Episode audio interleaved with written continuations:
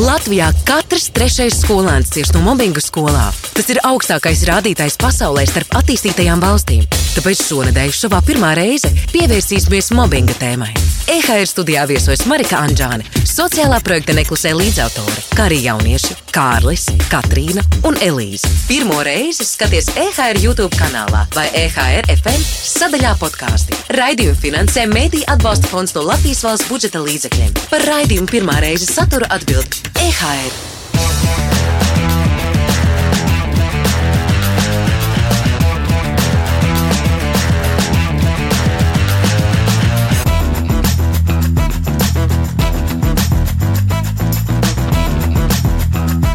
Čau, čau, čau! Šis ir šovs pirmā reize. Mani sauc Jānis. Un man sauc Marija. Šodienas tēma ir mobbings. Nevienam nav noslēpums, kas ir skola. Tas ir realitātes šovs, kur tev ir jācīnās par savu izdzīvošanu, savu vietu zem saules. Tev var apsmiet par drēbēm, par to, vai tev ir vairāk vai mazāk naudas. Tu eh, mācies slikti, mācies labi, tu esi dīvains, tu esi jocīgs, tu esi vienkārši par jebko. Un nevienam nav noslēpums to, ka Latvijas statistika, diemžēl, šajā jautājumā nu, pasaulē ir visbēdīgākā. Diezgan skumji, diezgan skumji, jo izrādās, ka Latvijā katrs trešais skolēns ir sastapies ar ilgtermiņa vardarbību tieši skolā. Un, uh, nu, tādēļ šodien mēs esam uzaicinājuši gan jauniešus, gan eksperti, lai saprastu, kā labāk risināt šo. Aiziet, ķeramies klāt!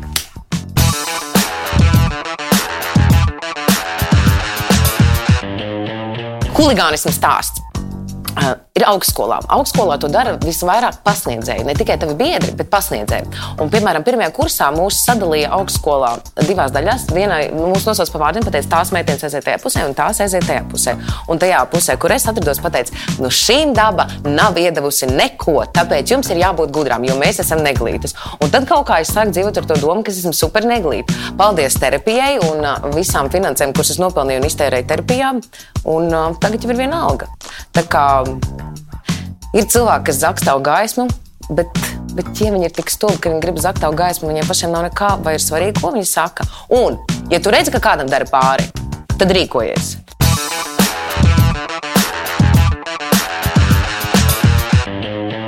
Šodien pie mums studijā viesojas mūsu jaunieši, teiksim, sauksim jūs par jauniešu ekspertiem, ja jums ar to ir ok. Elīza, sveika, Elīza. Katrīna, sveika, un Kārlis. Prieks ar jums iepazīties, kā arī projekta līdzautore Neklusē Marika Anģāne. Sveika! Lielas paldies, ka varēji ierasties! Nu, šīs dienas tēma - skola, huligānisms, saka, pareizi jau laikam ir mobbings teikt, bet man tas vārds nepatīk, jo man uzreiz šķiet, ka tas nav latvisks. Bet uh, tas jautājums tomēr paliek ļoti aktuāls. Latvijai ir Latvijas situācija no attīstītajām valstīm ir vissliktākā, cik es saprotu, pasaulē. Tas tiešām tā ir. Jā, mēs uh, kopš 2018. gada esam pirmajā vietā attīstītajās valstīs, uh, un uh, katrs trešais uh, skolēns Latvijā atzīst, ka viņš uh, cieš no mobbinga, jeb ilgstošas vardarbības. Tad es, es vērsīšos pie jums, jaunieši. Tas jautājums būs tā, vai, vai ar jums tas notiek, un varbūt, ja ar jums tas nenotiek, vai tas ir kaut kādā jūsu personīgajā vai draugu pieredzē bijis šāda situācija. Nē, nu man personīgi tā, ka man kaut kas ir šausmīgi palicis atmiņā, nav uh, pret mani tieši. Ir, ir bijušas kaut kādas mazas situācijas, ka man, piemēram, bērnībā ap desmit gadiem bija ļoti smalka balss, un man sauc par Hēliju. Tas, bija, bet tas man pašam likās smieklīgi.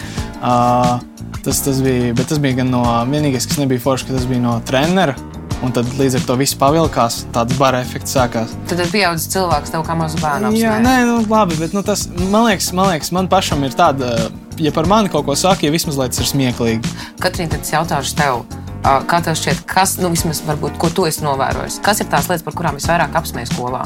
Tā nav viena lieta. Ja kāds gribēs tevi apsmiet par kaut ko, ja kāds gribēs sajusties varenāks, viņš atradīs jebko. Par cilvēkiem smējas par to, ka viņi mācās labi, par to, ka viņi mācās slikti, par to, ka tu esi citādāks nekā pārējie, par to, ka tu neesi pietiekoši citāds. Ja kāds gribēs par kaut ko smieties, atradīs par ko. Varbūt tā dominējošā lieta varētu būt kaut kāds tāds teiksim, finansiālais status. Uh -huh. Es atceros, piemēram, ka man bija nezinu, tur Samsung telefons, un man šķiet, ka visi zina to, ka lielam vairumam cilvēku ir iPhone, vismaz jauniešiem. Un tu jūti to, ka tev, nu, tu jūties neiederīgs, un cilvēki arī izsaka komentārus par to. Un it kā negribētos, lai tas finansiālais tomēr arī tādiem jauniešiem un mazāk, tādā mazākā vecumā būtu tas noteicošais. Tas noteikti, manuprāt, ir tāds dominējošais, kas tevi nošķir no pārējiem. Jā. Bet, zin, kā ar to Samsungu? Es redzēju, ka viņi tagad ir pievilkti un pat mēnesi redzēju. Tā kā varbūt labāk, lai ir Samsungs. nu, labi, tas tā es jokojos. Tev ir bijis tāda pieredze, Elīze? Es esmu arī ievērojis to, ka kādu apceļ, piemēram, manā klasē vai nu, pamatskolā, kur, manuprāt, mobbings ir lielāka problēma nekā vidusskolā. Mm, Jā, es nezinu, es uh, esmu arī redzējis to, kā apceļ paralēli klases biedrus. Vienkārši nu, ir ABC klases, un pieņemsim B un C apceļ A klasi. Nu, konkrēti veselu klasi, nepamatot iemeslu dēļ. Varbūt tāpēc, ka viņi ir gudrāki vai netik gudri, vai, nu, vai stilīgi vai nestilīgi. Nu, tā ir tāda grupa kaut kāda Nu jā, tā ir- grupu lieta, bet jā. tieši ka vienu cilvēku Jā, tas jā, daudz notiek. Ar, Tas, tas, tas, daudz daudz, tas notiek. ļoti daudz notiek. Un, manuprāt, vienkārši būtu jāpieiet tam visam ar empātiju un vienkārši jābeidz. Nu, tas dažreiz paliek tik traki, ka pašai kā riebis.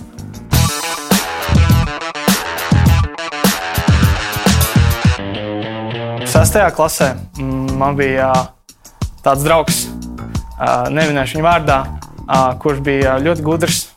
Vienmēr skolā nāca uzvalkā. ā, Sastajā klasē tas nebija pārāk ā, Un, un, un, un viņam arī bija dīvaina balss nedaudz.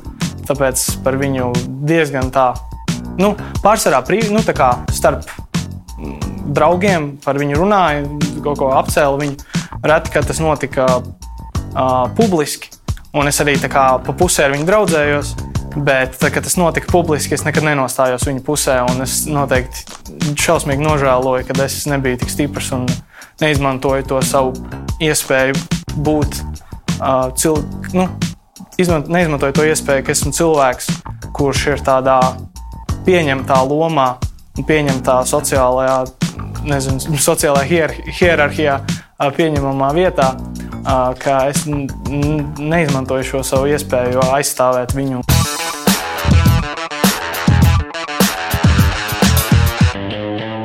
Kur ir tā robeža? Ir, ka, piemēram, tu minēji to hēlīju balsu, un tev pašam tas šķiet smieklīgi. Bet tajā pašā mirklī tur ir bijis pieaudzis cilvēks, kurš ir to uzsācis, un izvēlējies. tas- Nu, ku- kur ir tā robeža, ka mēs vienkārši pasmējamies viens par otru, un, un tas tā var būt? Bet kur jau sākas emocionāla vardarbība? Joks ir smieklīgi tad, kad visiem ir smieklīgi. Bet, ja kādam tas šķiet, ka pats man sāp, tad arī pateikt, ka tas nav joks, es īstenībā sajūtos slikti un lūdzu šādi vairs nedara. Jo, e, ja ir šie joki, kas ir aizskarošie, un mēs paklusējam, un mēs neko nesakām, ka tas mums sāp, tas joks atkārtosies. Un katru reizi mēs jutīsimies slikti. Un tāpēc, ja mēs pateiksim, hei, stop, mm, tas man nav pieņemami, ā, lūdzu, šādi vairs nedari. Ā, Un, ja tas cilvēks, kurš to joku teica, viņš maina savu rīcību un vairs par to nejoko, ir labi. Tas ir rīcība. Tad ir jāuzņemas arī atbildība pašam tam, tas, kurš tiek apsmiets, arī ir jāuzņemas atbildība, lai signalizētu, kur ir tā cilvēka Jā. robeža. Mēs Tieši nevaram tā. arī tikai otru vainot. robežas ir ārkārtīgi svarīgas un esam godīgi e, par to. To mums manā skolas laikā vismaz nemācīja, un arī bērnu dārzā. Un jo ātrāk ģimenē, bērnu dārzā, skolā mācīs to, kas ir labi, kas ir pieņemama rīcība, kas nav. Kā arī sevi aizstāvēt, eh, gan ja to dara fiziski pāri kāds, eh, gan ja to emocionāli kāds vārdiski pasaka, eh, vai ja kāds negrib draudzēties, vai internetā kaut kas notiek. Ja mēs preventīvi parunāsim un pastāstīsim, kas nav ok un kā rīkoties, tad arī bērns, jaunietis zinās, kā sevi aizstāvēt. Jo bieži vien liekas, ah, ko man tagad darīt? Kas īstenībā skolā var būt tā, ir ceļš puišiem, ka to pašu fizisko vardarbību tiek provocēts. Eh, Iet pa trepēm un pagrūž, piemēram, ar plecu un skatās, kā tas cilvēks reaģēs. Uh, un, uh, Ir normāli sevi aizstāvēt, un arī nu, nostāvēt, piemēram, ar staltu muguru, vai arī nedaudz iedot pretī, jo tas cilvēks sapratīs, ok, nu, nākamreiz es tā nerīkošos, jo tas cilvēks spēj sevi, par sevi pastāvēt un aizstāvēt. Kādas ir visbiežāk tās formas un izpausmes, kādās notiek šīs apcelšanas, mobbingi, huligānisms, Huligānisms, vai- vai, vai kādi citi vārdi tur, tur vien ir visam šim? Tas, kas mobbings var būt dažādās formās. Arī mūsu skolas laikā tas bija. Noteikti arī gan Jānis, gan arī Marija novērojāt fizisku vardarbību, kas ir atbilstoši pagrūšana, iesišana, mantu atņemšana, sabojāšana, izmešana pa logu, dažādi citas fiziskas izpausmes. Tā, protams, ir verbāla, kad ar vārdiem apsaukājas dažādi.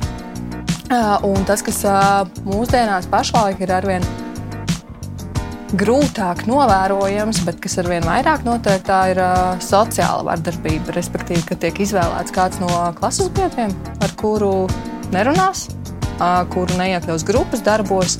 Uh, iespējams, izveidos kādu WhatsApp grupu, kur būs gandrīz visa klase, bet neiekļaus vienu skolēnu. Tas pats arī ir dzirdēts īstenībā ir deju kolektīvos.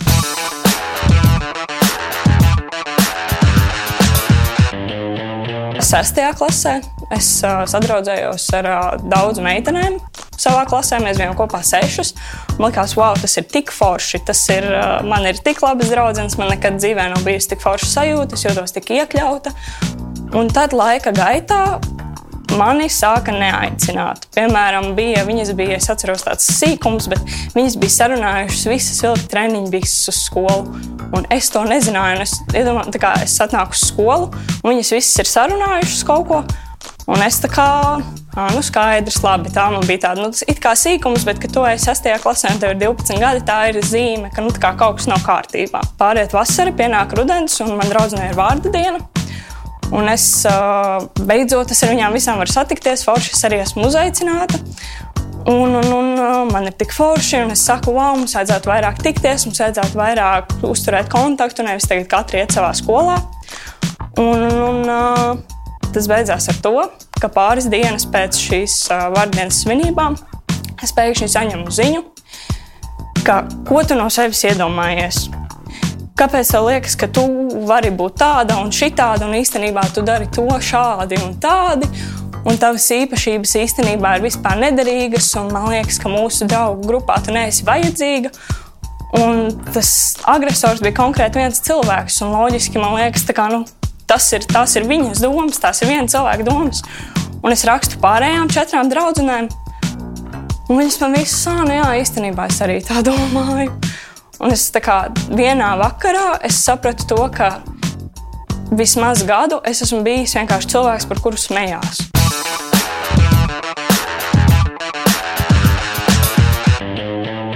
Bet tagad man šeit vispār tā, tā, tā pārdarīšana ir daudz trakāka, jo ir sociālie tīkli. Manā laikā īsti nebija pat visiem nu, tā, tajā, tad, kad es pamatskolā gāju, sākuma skolā, visiem pat nebija mobilie telefoni. Viņa bija, tad devu tikai tiem, kas gāja uz muzikas skolu konkrētās dienās. Nu, tā kā tas nebija, tas nebija tik vienkārši iespējams. Un, ja kādam nepatika, tad viņš izmet tev somu, vai iesit tev, vai ar akmeni uzmeta. Nu, tas bija uzreiz tā skarbāk kaut kādā citādā ziņā. Bet tā statistika tiešām ir tāda, ka katrs trešais cilvēks, katrs trešais skolēns Latvijā. Un arī, kas ir būtiski, kas ir mobbingā, tā nav vienreizēja aizskaršana. Mobbings tā ir ilgstoša vardarbība, kas atkārtojas nedēļām, mēnešiem, dažkārt pat gadiem. Un tas skolēns, jaunietis, kuram dara pāri, viņš pats īstenībā sevi vairs nespēja aizstāvēt jo tas spēku samērs nav līdzvērtīgs. Tādēļ ir ārkārtīgi svarīgi tā pārējā klase, pārējā grupa, kas redz, ka kādam skolēnam dara pāri un ka īstenībā ka iestājas un saka, hei, tas nav stilīgi, ko tu dari. Nu, kā, ja viņš jūtas pietiekami droši iestāties pret šo vardarbību.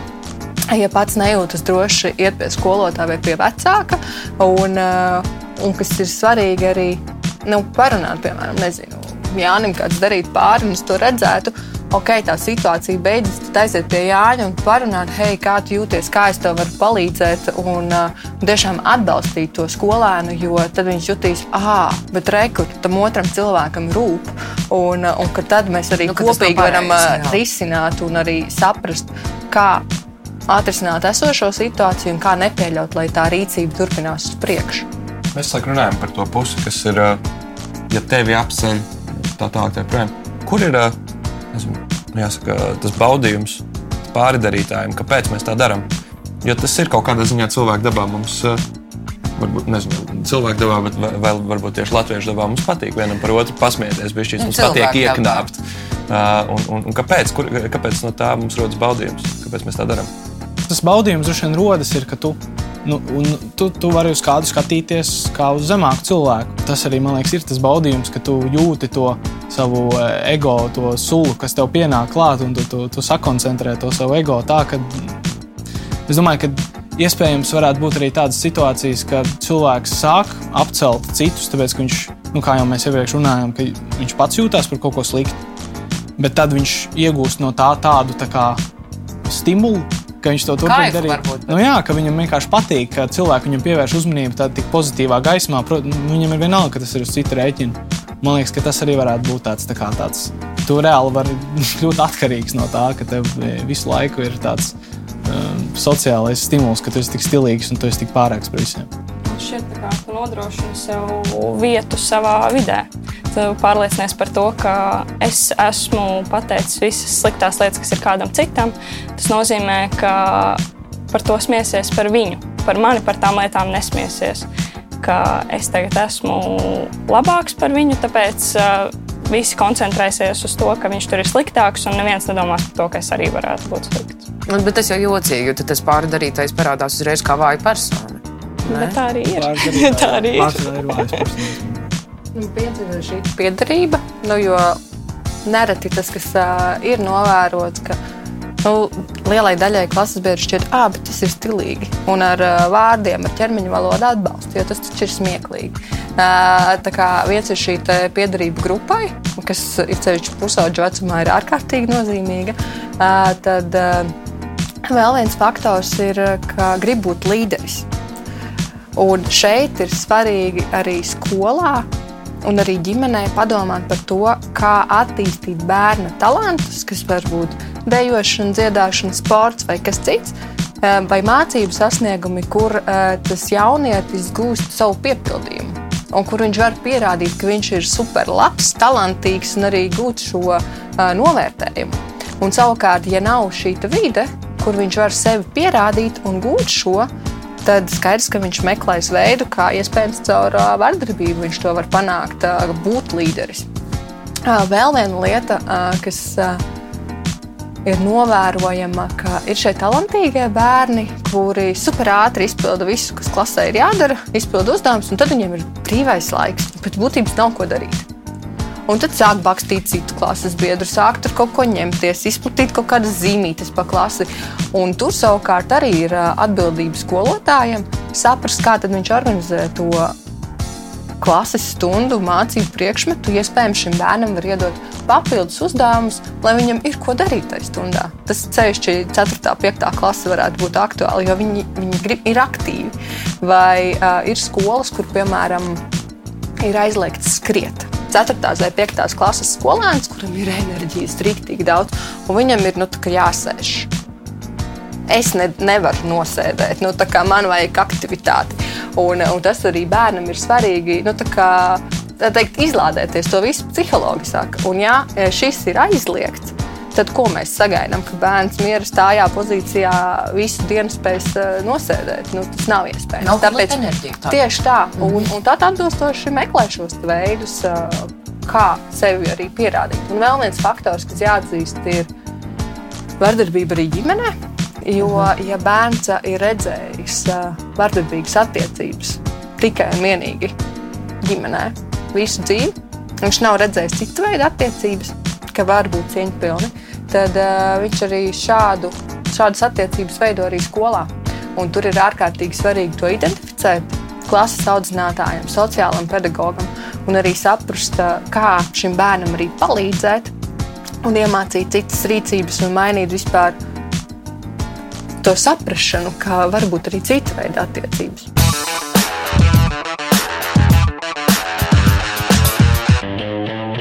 Veselības mācība, ja nemaldos, no 2015. gada skolās nav pieejama.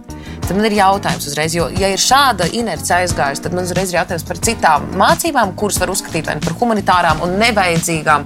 Vai tas pats ir, piemēram, ko mācās sociālās zinībās? Cik daudz tiek runāts par to, par to, kā skolēni var veidot attiecības viens ar otru, un kur tās attiecības var kļūt bīstamas, kur nē, vai skolā vispār par kaut ko tādu runā? Mūsu sociālo zinību skolotājs.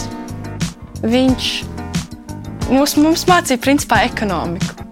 Viņš mums, uh, viņš mums lika taisīt mūsu pašu uzņēmumus, un, un kad uh, sākās attālinātās mācības, tad uh, kādos uzdevumos, .CLV tur bija jādara kaut kāda uzman, uzdevuma par Eiropas Savienību un kaut kas tamlīdzīgs. Un tagad, uh, atgriežoties tagad, kad es sāku vidusskolu, um, tagad mums ir tāds kopīgais priekšmets - sociālās zinības un vēsture. Un nedēļā ir divas vēstures un viens sociālās zinības, kur arī mūsu skolotāja atnāca un teica, pirmajā stundā, jā, es jums mācīšu ekonomiku. Vai jums sniedz kaut kādus materiālus skola? Man bija nu, tas, kas bija man.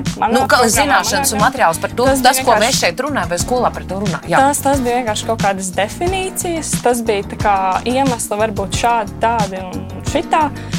Nu, jā, it kā ir kaut kāda skolas psiholoģija, bet tā netiek tā kā nekur parādīta. Piemēram, arī tagad es universitātē darbojos pašpārvaldē. Un tieši tas, ko mēs šobrīd uh, veidojam, savas fakultātes ietvaros, ir mentālās veselības nedēļa, lai vismaz parādītu visiem, ka mūsu fakultātē ir psiholoģi, ka pie viņas var iet. Tāpēc, ka vidusskolā, pamatskolā it kā es zināju, jā, ka mums ir kaut kāds sociālais pedagogs, bet neviens par to nerunā.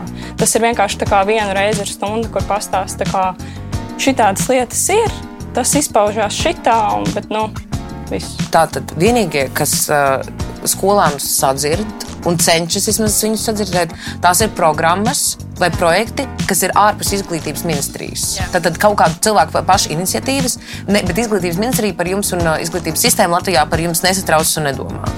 Man liekas, skolu iniciatīvas kaut kādas piesaistīt tos, tos, tos projektus, bet tā kā no, nezinu, no kā izglītības puses man liekas, nav īsti.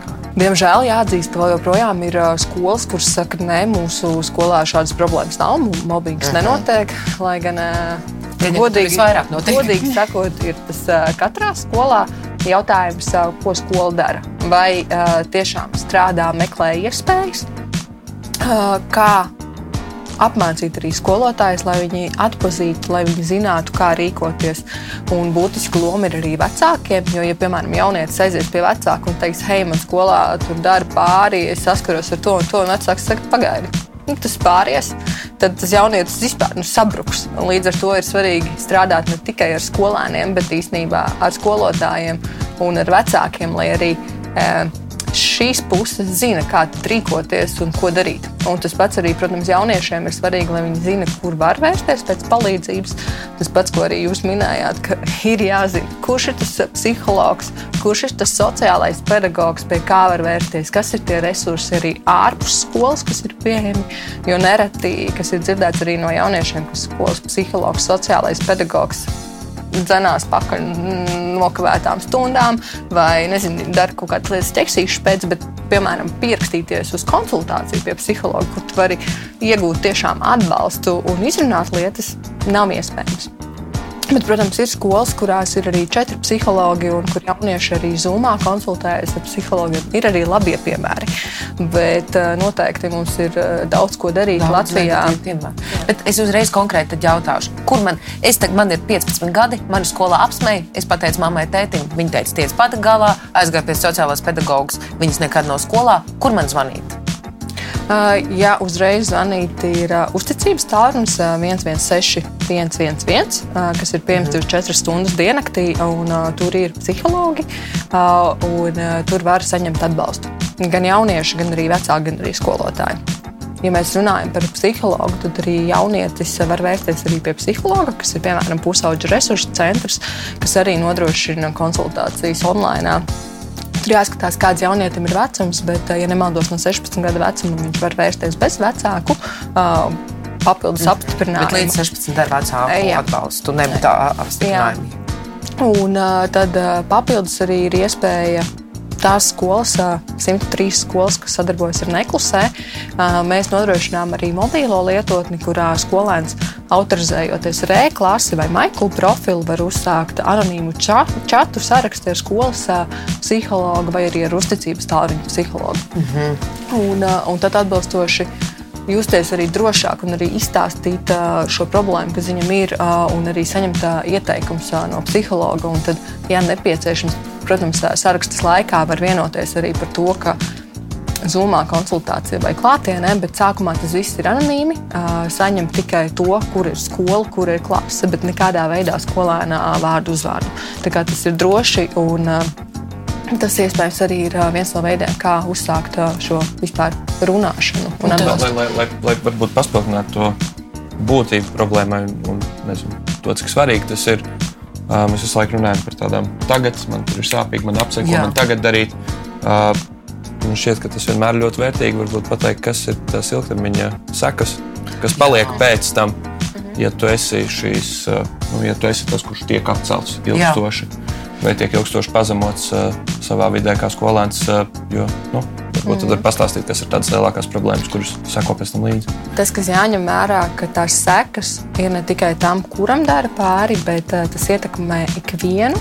Piemēram, ja klasē ir mobbings, tas ietekmē visu klasi. Uh, un uh, tās uh, sekas var būt kas ir vieglākais, ir mācību sasniegumi un vispār rezultāti var samazināties.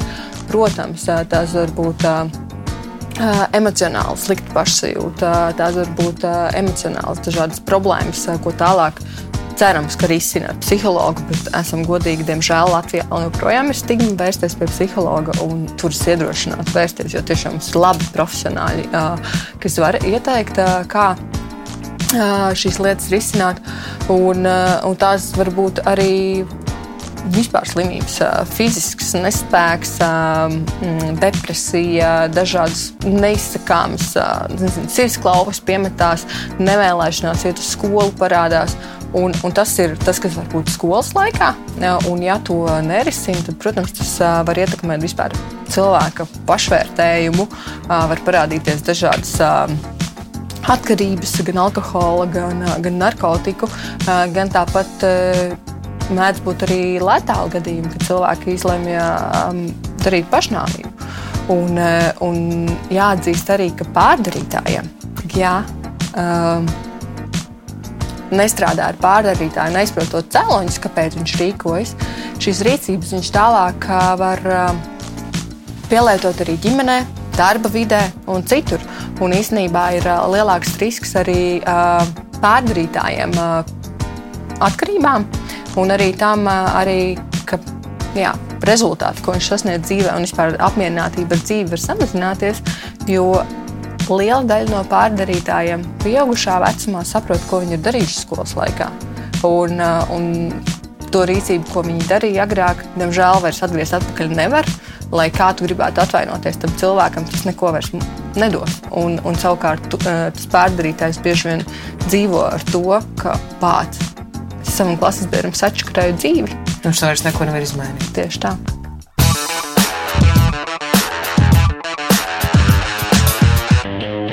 Marika pastāsta precīzi, ko dara neklusē un kā var pie jums vērsties visus iespējamos veidus.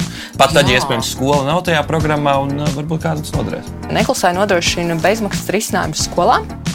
Kopā ar Centra Dārdas un Centra Marta mēs esam izstrādājuši mācību materiālus, kas ir gan sākuma skolas vecuma posmam, gan pamatskolai, vidusskolai. Ko tālāk klašu audzinātājus mēs apmācām augustā vispār par to, kas ir mobbings, kā atzīt, kā varbūt tas atšķirās no konflikta, kā pedagogam rīkoties, kā, ko pedagogam nevajadzētu darīt, jo kas var tikai situāciju attīstīt Un tad atbilstoši klašu audzinātāji izmanto šo mācību materiālu mācību gadu laikā, strādājot ar savu klasi. Mēs veicam arī aptaujas mūsu skolās sadarbības mācību gadu sākumā. Kādi ir rezultāti aptaujājot gan skolēnus, gan vecākus, gan arī skolotājus? Un tad arī mācību gada beigās, lai varam salīdzināt tos rezultātus, vai kaut kas ir mainījies, uzlabojies, varbūt pasliktinājies. Jo esam godīgi, mēs kādu problēmu nekustinām, tad šķiet, ka ir normāli. Bet, ja sākam par to runāt, tad mēs sliktā. saprotam, ka oh, oh, mums ir kur rakt un ir kur, jā, kas, kas jādara. Tātad mobilā lietotne, par ko es minēju, kurā var uzsākt anonīmu čatu ar psihologu. Un uh, pasākumi, pasākumi ar uh, psihologu, ko mēs rīkojam gan skolēniem, uh, tiešsaistē, gan arī vecākiem un skolotājiem, kur uh, Mēs kopā ar psihologu runājam, es uzdodu jautājumus, kā atzīt, kā rīkoties, un dažādi citas jautājumus, ko arī mūsu skatītāji iesūta.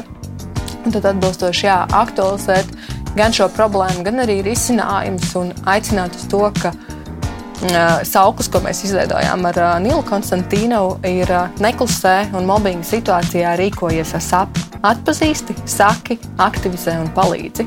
Un, tas ir tas, ko es aicinātu ikvienu, ja redz, ka kādam dara pāri, tad iesaistīties, uzdrīkstēties, palīdzēt. Tā mēs veidosim Latvijas sabiedrību gan cieņpilnāku, gan arī drošāku.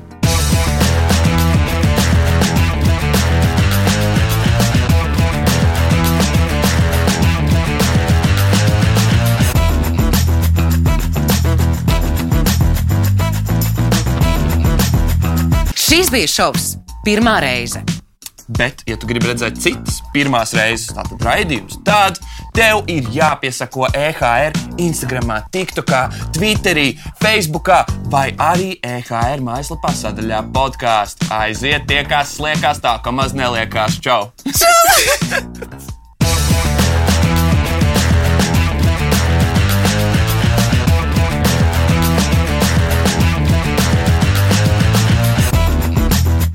Latvijā katrs trešais skolēns cieš no mobbinga skolā. Tas ir augstākais rādītājs pasaulē starp attīstītajām valstīm. Tāpēc šonadēļ šovā pirmā reize pievērsīsimies tieši mobbinga tēmai.